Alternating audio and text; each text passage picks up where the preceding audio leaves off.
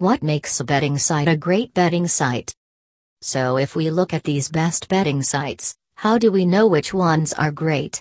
It is a wonderful question. Let me introduce you to the process we carry out. It is important to remember that while we have certain criteria by which we are guided to determine whether a site is a great place to play or not, we also treat each site individually.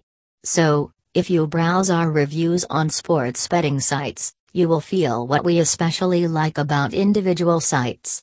There are some things we pay attention to that are simply not applicable to any other site. Let's take a look at the more general criteria we follow. These are frequently asked questions.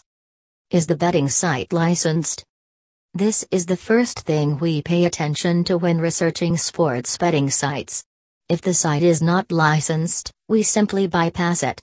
It does not matter how wonderful the website is. It is simply not safe to place bets without that license.